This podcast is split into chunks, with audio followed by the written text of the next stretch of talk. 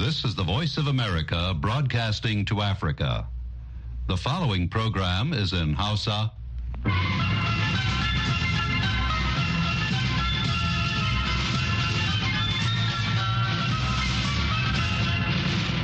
Sashen Hausa na muryar Amurka ke magana daga nan birnin Washington DC.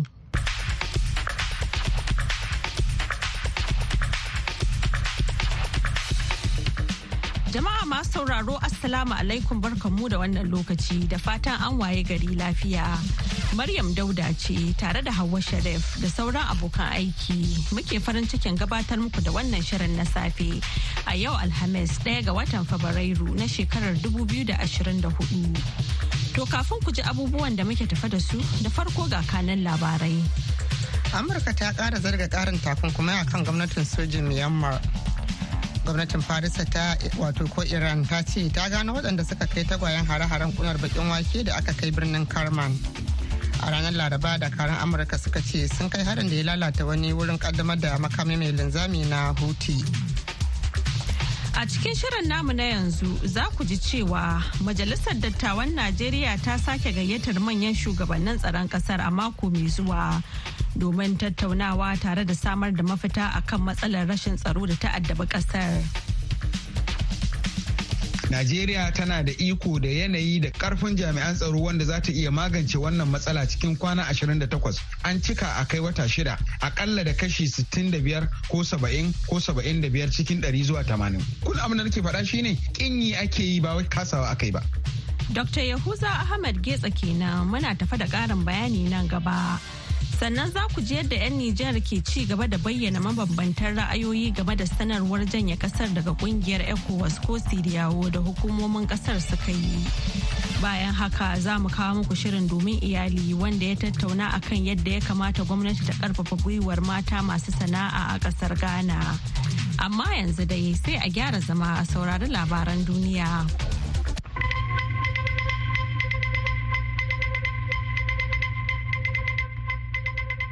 Assalamu alaikum barkanmu da asuba ga labaran duniyar mai karantawa Hauwa Sharif. Amurka ta ƙara zarga ƙarin takunkumai kan gwamnatin sojin Myanmar. Shekaru uku bayan sojin sun kifar da gwamnatin ƙasar a wani juyin mulki na ranar 1 ga watan Fabrairu na shekarar 2021 da wasu mutane da bangarori huɗu da ke da alaka da gwamnatin. Ma'aikatar cikin gidan amurka ta ce matakin na baya-bayan nan zai datsi hanyoyin samun kuɗin shigar da ke tallafa gwamnatin sojin taka talakawan ƙasar da masu taimaka mata da kayan aikin kera makamai a ƙasar ta miyamma ko barma kamar yadda aka santa. A jiya laraba ne ofishin betulmalin amurka ya bayyana kakaba takunkuman akan rukunin kamfanin chiwe pio da mai kamfanin taiwan zo da mai ɗakin shi da manyan 'ya'yan shi biyu.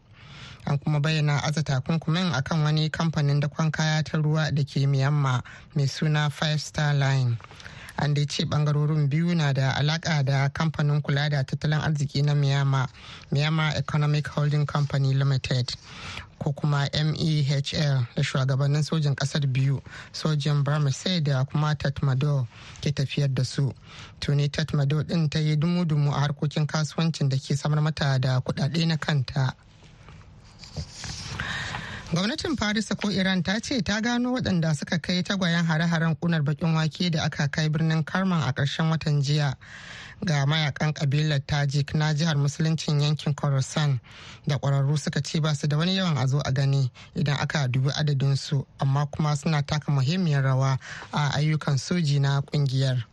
Ɓangaren masu fafutukan ƙasar musuluncin na isk mai mazauni a afghanistan sun ɗauki alhakin kai harin na ran uku ga watan janairu da ya kashe akalla mutane 95 da ke halartar wani taron tunawa da mutuwar shugaban dakarun jujuya halin kurdawa kasim suleimani wanda wani harin jirgin amurka mara matuki ya kashe a ƙasar iraki a watan janairu shekarar 2020 kwana guda bayan kai harin na birnin kamar manyan jami'an ƙasar ta iran da suka hada da shugaba ibrahim ra'isi da babban kwamandan irgc hussaini salami sun ce isra'ila da amurka ne suka shirya kai harin ba tare da bayar da wata hujja ba. To sai dai bayan mako guda ma'aikatar leƙen asirin iran din ta faɗa cikin wata sanarwa cewa ɗaya daga cikin 'yan harin kunar bakin waken ɗan ƙasar asalin tajikistan ne wanda ya samu horo a wani sansanin mayaƙan ask da ke afghanistan inda ya shiga iran ɗin taɓa hanya a yankin kudu maso gabashi na kan iyakar ƙasar. A ranar laraba ne dakarun amurka suka ce sun kai harin da ya lalata wani wurin kaddamar da harin makami mai linzami na huti da ke yemen a daidai lokacin da suke shirye-shiryen kaddamar da shi. Dakarun amurka sun sanar cikin wata sanarwa cewa sun lura ne da tabbatacciyar barazanar da hakan ke da shi ga jiragen saman amurka. Harin da aka kai wajen kaddamar da makami mai linzamin ya zo ne sawo'i bayan da mayaƙan huti suka bayyana kai har-haren makami mai linzami akan wani jirgin yaƙin ruwan amurka akan ruwan bahar maliya suka kuma ce za su ci gaba da shan matar taragon amurka da birtaniya. Bangaren tsakiya na dakarun ya ce uss gravely ya harbo wani jirgin yaƙi makami mai linzami da dakarun na huti masu samun goyon bayan iran suka cillo daga yemen ana sauraron labaran ne daga nan sashen hausa na murya amurka a birnin washington dc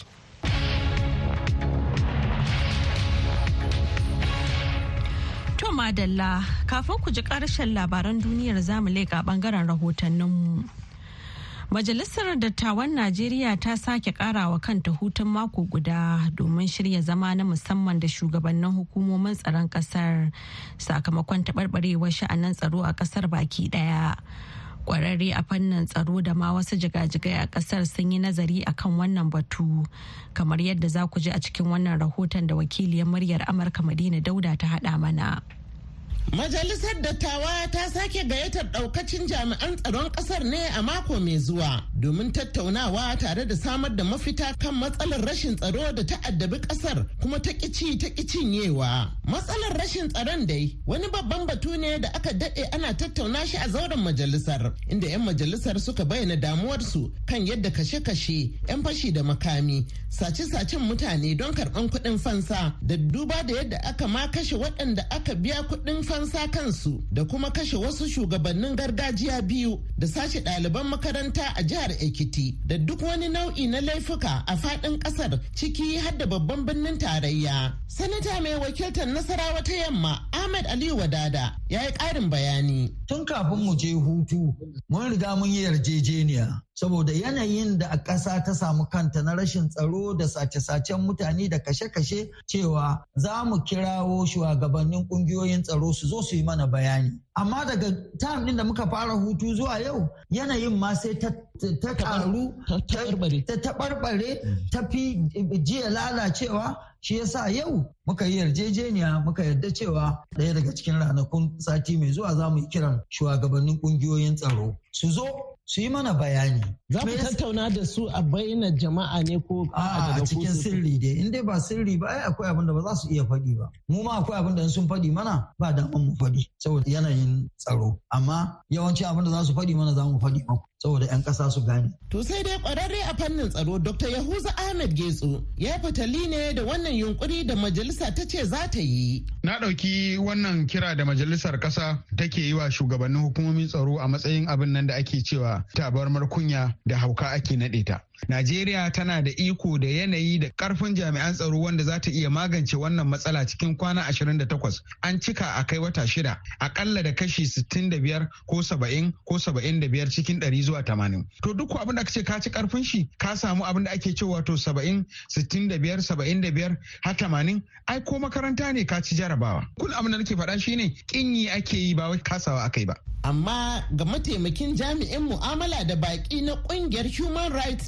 Network, Nura Muktar Tsanya ya nuna takaicinsa ne tare da ba shugaban ƙasa Bola Ahmad Tinubu shawara. Eh ni abin da na fashinta gaskiyar lamari jami'an tsaron da muke da su irin su 'yan sanda ƙwararru ne, haka sojojin mu ƙwararru ne, haka sauran jami'an tsaron mu na farin ka irin su DSS ƙwararru ne mu mun sani. To amma ya ake yi ake samun wannan matsala shine abin da ba mu sani ba kuma muke tambaye su meye mafita. Ko waɗanda suka dace a sa a gurin ne ba a sawa ko kuma akwai wani lauje cikin naɗi wanda Allah ne masani to gaskiya ni abin da nake kira ga shugaban kasa idan da hali duk wanda ya sa aiki in bai masa yadda ya kamata ba kawai a cire a canza a sa wanda ya dace da haka har aka yi gagaci.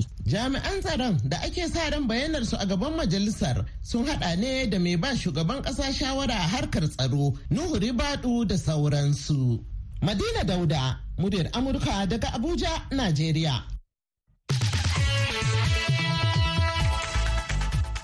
A gaida Madina Dauda da wannan rahoton shirye-shiryen na zuwa muku ne daga nan sashen Hausa na muryar Amurka a birnin Washington DC.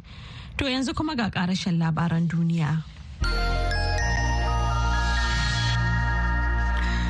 A jiya laraba ne shugaba Vladimir Putin na Rasha ya sha alwashin fatattakar dakarun Ukraine domin daƙile barazanar hare-haren da suke kaiwa ƙasar ta Rasha.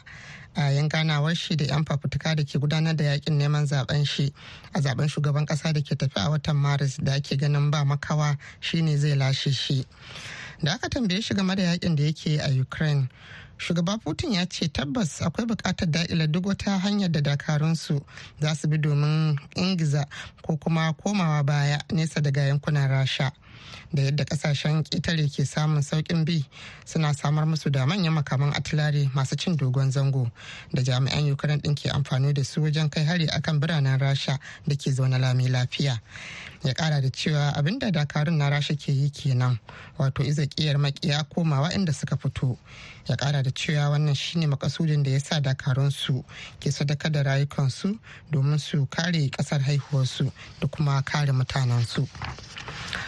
A ranar Laraba shugabannin ƙasashen ƙungiyar tarayyar turai biyar suka buƙaci makwabta da ƙawayensu da su haɗa hannu wajen samar da tallafin soji ga Ukraine yayin da ministocin tsaron ƙasashen suke tafka muhawara kan hanyoyin duba yadda bukatun makaman Ukraine ɗin yake.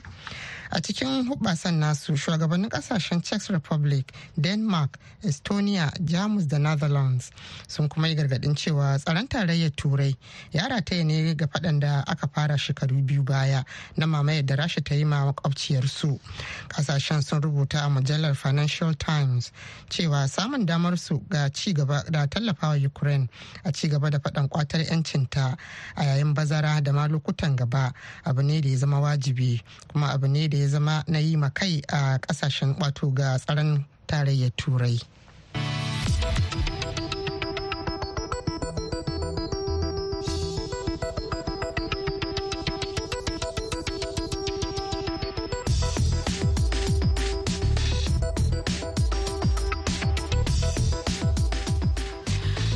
Labaran duniya aka saurara daga nan sashen hausa na muryar amurka a birnin washington dc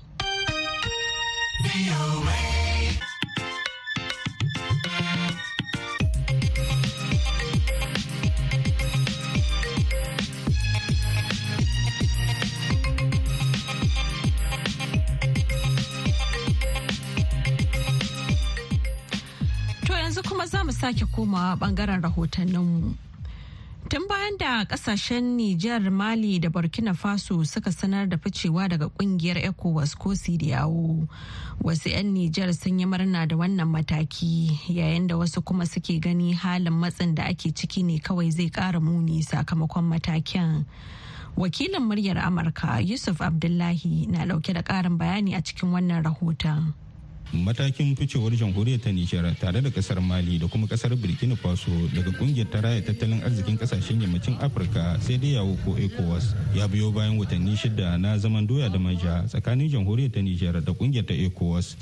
Biyo bayan juyin mulkin ranar 26 ga watan yuli na shekarar 2023 matakin da ke ci gaba da samun mayar da martani tsakanin 'yan ƙasar nishar daga ƙungiya ne muka hita yanzu abin da ya kamata a yi la'akari da shi bisa kan wai dokokin jayewai menene doka ta ce in wata ƙasa ko wasu ƙasashe sun ce za su jayewa? Kenan sai a diba kowa a diba haƙƙin shi a hidda mashi haƙƙin shi kuma kowa ya kama hanyar shi. Wato ɓallewa daga sai da yawa yanzu ya zan kamar na dalili na juyin mulki ma.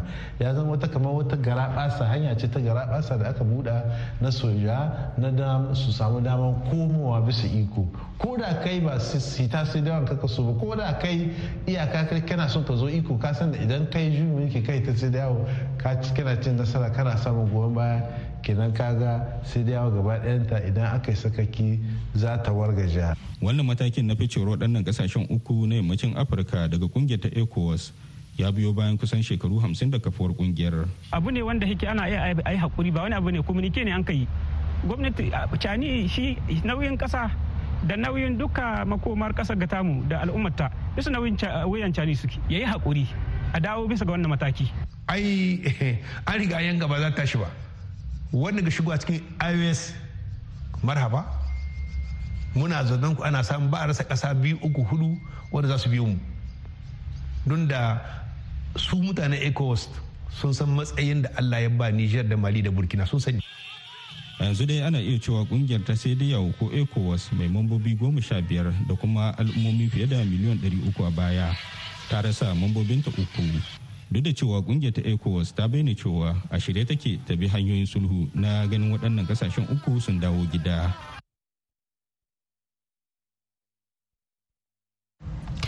Madalla a gaida Yusuf Abdullahi da ya hada wannan rahoton. A tare shirin taskar VOA na talabijin na wannan makon don ganin wannan rahoton. Har yanzu dai kuna tare da sashen Hausa na muryar Amurka a birnin Washington DC akan mitoci goma sha shida ashirin da biyar da kuma talatin da ɗaya.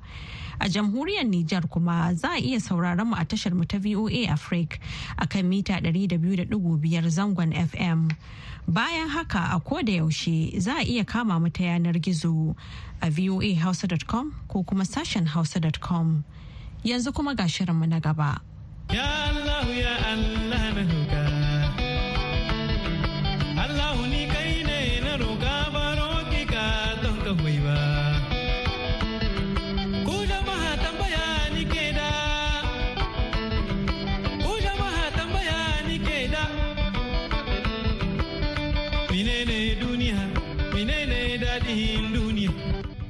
Masu saurare Assalamu alaikum barkamu da asuba. Alheri Grace Abdu ke muku fata alheri da kuma fata iyali na lafiya. Kamar sauran ƙasashen nahiyar Afirka, mata a ƙasar Ghana suna nuna hazaƙa sosai a fannin sana'a da neman abin kai. Sai dai sun bayyana cewa sun ɗanɗana kudansu a shekara da ta gabata. Wakiliyar Hawwa Abdulkarim ta nemi sanin matakan da suke gani gwamnatin ƙasar za ta iya ɗauka a wannan shekara domin inganta rayuwar iyali da ci gaban al'umma. Sai matan da suka hada da 'yan kasuwa hannatu mahmud da samayya zakariya da kuma wata jami'a da ke aiki a ofishin ba da lasisin mota suka bayyana cewa. Yanzu mata suna son makeup dinki fashion dunki ke na fashion aha. Isa dai aka yaka buɗe irin babban wuri haka an zuba machines akwai kwararru.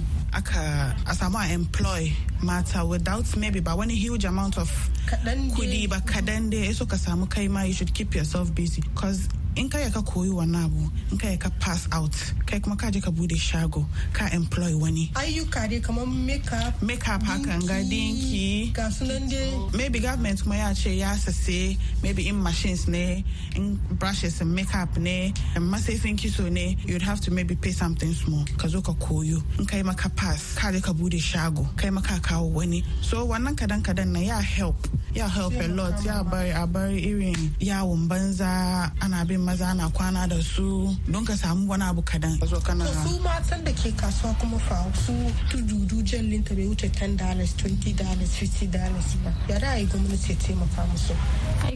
Ya kamata eh, government ya duba matan da suke da ƙoƙarin nema.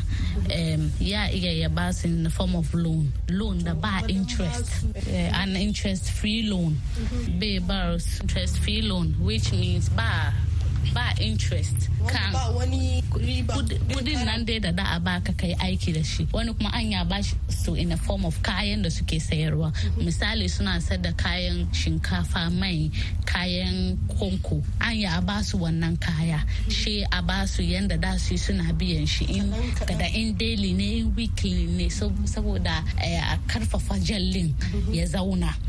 Aha. Kuma ya kamata a waye ma mata kansu because um, kana zama abin da kake tunani. In mai shi ko in babar ya ga mahimmancin abin da yake yi ba aka bar mata su san kamar they are capable of everything. Sun iya su yi komai. Komai da suke son su yi in suka tashi suka saya sun iya su yi.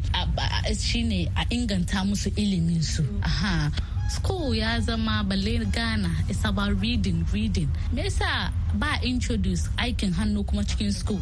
Saboda um, ko dinki yau na iya yin dinki button because of wani course da na yi a jhs yeah isa in ka develop inda na develop interest da yau dinki nake yi isa a sai technical schools I've introduced yes I introduced don kamar JHS ma suna wani abu kamar vocational studies haka ga home economics da BDT BDT nan kamar for maza ne kai kai carpenter da shi da mata ma wayan suna yi but I think in ma aka je SS mu ce kin general art ko science akwai wani vocation ciki a ce akwai wani abu dai da dole ne just to SS kaya yi kaman shaidai da ka yi home accounts kawai Saboda za ka ka yi wannan particular aspect no it should cut across. Cut across. Isa ko yi science ma maybe dole ne ki koyi wani abu kaman um, pedicure manicure. Ko a ce ki koyi wani abu beauty wani anything about beauty. aikin offices ko yana ya choke. Ya choke. Without protocol baka samu aiki. isa laizin kana school kaya an gwada maka yadda ake meat pie. Cake. Kaya irin wannan pastries ɗin nan. In ka kare in ka je yawo da CV in ka baka samu aiki ba. Ka zo ka kafa table ka yi meat pie. abinci ne an sai. A daily bread. Mutane na wucewa kan kasi da shi ya. Yes, kafin maybe ka zo ka samu aikin gwamnati. Ya a bar a fitar da wannan abu cikin hankalin mutane kamar dole shi ka je aiki office dole. A bar mutane su san kamar abin da ka koyi duka ofisin ka ne.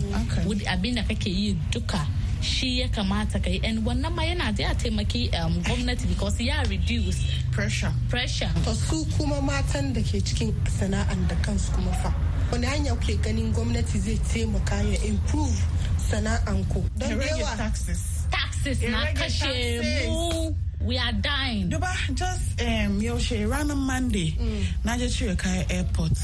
Duty. Mm. Duty.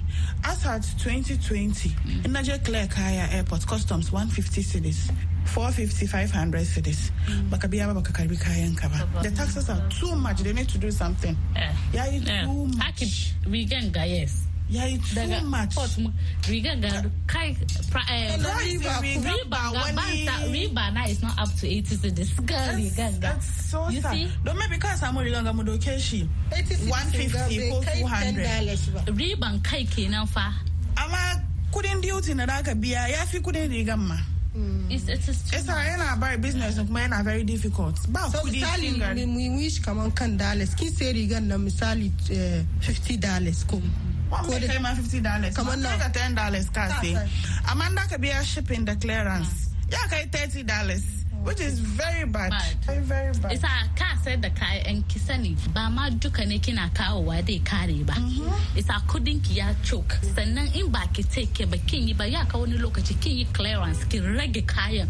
Saboda a sai isa ka zo ka ga kamar aiki kake yi amma aikin bai ci gaba. Like kuɗin da kake sawa ba shi yake fitowa ba. balle ma mu zo mu yi batun riba. Taxes in Ghana is choking. Ghana taxes is killing us. class. Ba mu cin dollars Ghana. Amma Amma ka jira ka cire kaya. An ce maka dola ya hau. Aba ina gaskiya nan ga. Custom ya ce maka dola ya hau. Kuma garin ga ba dola muke ci ba. Shi mai shi ce kamar tun da dai ka ka aiko kayan nan from can ai da dollars kake shi mu ce mobile money muke yi ko bank transfer bank transfer nan kuma cedis muke aikawa don cedis muke cin garin ga ba dollars bai sa ya kamata su duba su yi wani abu airport suna kashe mu suna kashe mu it's too much it's like kind so wani shawara za ku ba wa gwamnatin da matan ma duka da ke sana. Gwamnati tax in ya rage tax eh like aikin mu ya yi eh, mata kuma su rage cin kuɗin aiki. Kana aiki baka cin kuɗin. Sometimes it is tempting akwai abin da kake son ka yi abin da kake sai amma ya kamata aiki ya zauna. In gindin aiki ya zauna to ana iya a ci komi daga ciki. In ba haka ba kullum ka yi ta aiki da ba wani na nan maybe yana sadda rigan ga riban shi mu riƙe shi 50 cedis. Cire bai gan abu ba. Ko abin ya fi 50 cedis ma. Ya kamata ya cire kuɗin actual rigan ne ya kare kan riba eh, profit nan ko? Ya doki ya siye. Meanwhile baka kai wurin ba. Yasa muna sometimes muna yin certain things above our standards. She dame mu. Ta wani shawara za ku ba wa mata? Matan mu mu dinga kama kanmu. Is very necessary. Kaka ce don kana neman aiki. Isa ka je a misusing ka a baka kuɗi ko ka samu wani position wurin aiki no? Ka iya ka je kai da kanka je ka nemi wurin dinki ka koyi dinki. Kiso ba wani kuɗi suke karɓa ba. Amma inda ka ce lalle lalle aikin office kaga office. In kuma kana import kaya ne maybe baka kana gani kamar wani na aiko kaya from turai kai kuma kana son kai the same thing but you've not met your target yet. Neme hanya accra makwalla kin samu the same thing. If it's even if it is a replica yana nan great. Ki duba wanda kuɗin ki dai kai ki sai ki sayar. Amma kaka yi beyond your standard. kadan kadan kadan kadan To Allah sa ku cimma burinku na ganin kun samu ingancin rayuwa da ci gaban iyali. Nan kuma za mu sallama da ƙawayen namu na ƙasar Ghana Hannatu Mahmud da Sumayya Zakari jami'a da ke aiki a ofishin ba da lasisin mota da suka bakunci shirin. Sai kuma mako mai zuwa idan madaukakin sarki ya nuna mana mu ji yadda aka shekara a ƙasar Kamaru. Muna godiya ta musamman ga wakilinmu Hawawu Abdulkarim da ta jagoranci tattaunawar. sai kuma daɗi balawe da ya daidaita sautin shirin a madadinsu duka alheri ke cewa ala tabbatar mana da alherinsa. kai mata su ne duniya su ne dadihin duniya mata su ne duniya su ne sarakan duniya to madalla a gaida grace alheri abdu. Yanzu kuma ga wannan saƙon can hakika ba da tangarɗa ba kan marar ilimi abun rainawa himma da ƙwazo ƙoƙayen musulminku jama'a kiranmu nake bisa dagewa bisa tattalin neman sani kowanne. Shirin ilimi garkon ɗan adam shiri ne da ke nazari akan hanyoyin inganta ilimi musamman ma dai a ƙasashen Najeriya da Nijar da Ghana da Kamaru da Chadi da kuma sauran ƙasashen duniya. Sai ku kasance da muryar Amurka a ranakun Litinin a shirinmu na yamma domin sauraron shirin ilimi garkon ɗan adam wanda ni Babangin Jibrin kan shirya da kuma gabatar voa duniya a tafin hannunku can hakika ba da tangarɗa ba kan marar ilimi abun rainawa himma da ƙwazo ƙoƙayen musulminku jama'a to madalla yanzu kuma ga labaran duniya amma wannan karan a taƙaice.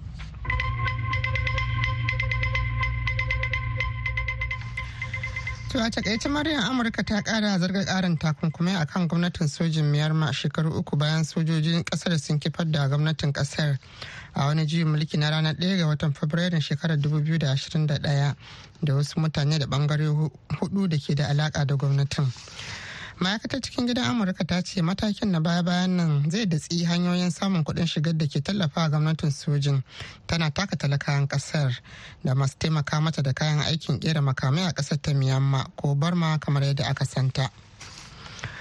Gwamnatin farisa ko iran ta ce ta gano waɗanda suka kai tagwayen hare-haren kunar bakin wake da aka kai ma birnin kama a ƙarshen watan jiya ga mayaƙan kabilar tajik na jihar musuluncin yankin khorasan da ƙwararru suka ce ba su da wani yawan a zo a gani idan aka dubi adadin su amma kuma suna taka muhimmiyar rawa a ayyukan soji na ƙungiyar.